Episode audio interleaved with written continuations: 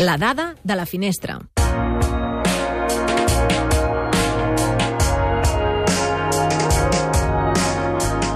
Russell Crowe donava vida a Jeffrey Wigan, el testimoni estrella de l'acusació contra la tabacalera Brownie Williamson.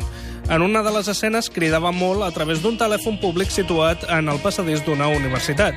A l'acabar l'escena es va posar a cridar histèric i arrencar-se els cabells de la perruca que portava, per espantar els figurants que passejaven per darrere. Molts s'ho van creure fins que Crowe i altres membres de l'equip tècnic van començar a riure.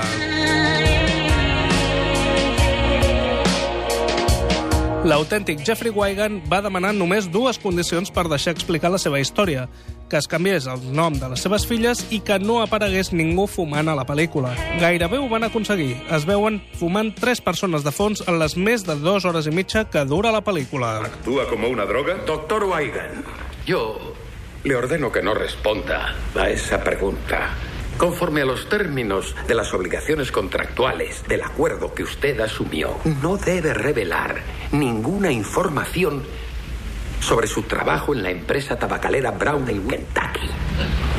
De modo que no hable. El procurador general de Mississippi que apareix film no és un actor, sinó el procurador real que va portar el un nom molt cinematogràfic, Michael Moore.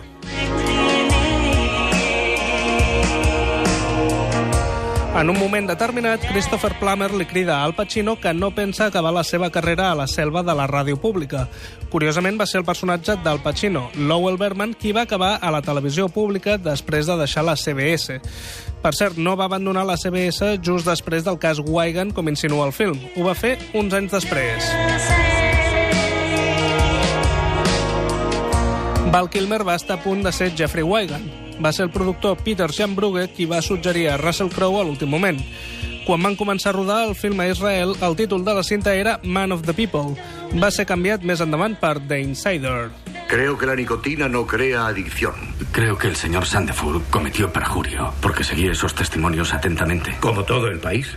Allí había un buen grupo de gente, bastantes presidentes declarando bajo juramento. En parte estoy aquí porque considero que su declaración no plasmó lo que es bien sabido dentro de la compañía.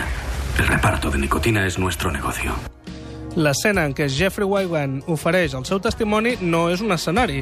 Van utilitzar l'habitació real a Jackson, Mississippi, on es va fer la declaració original.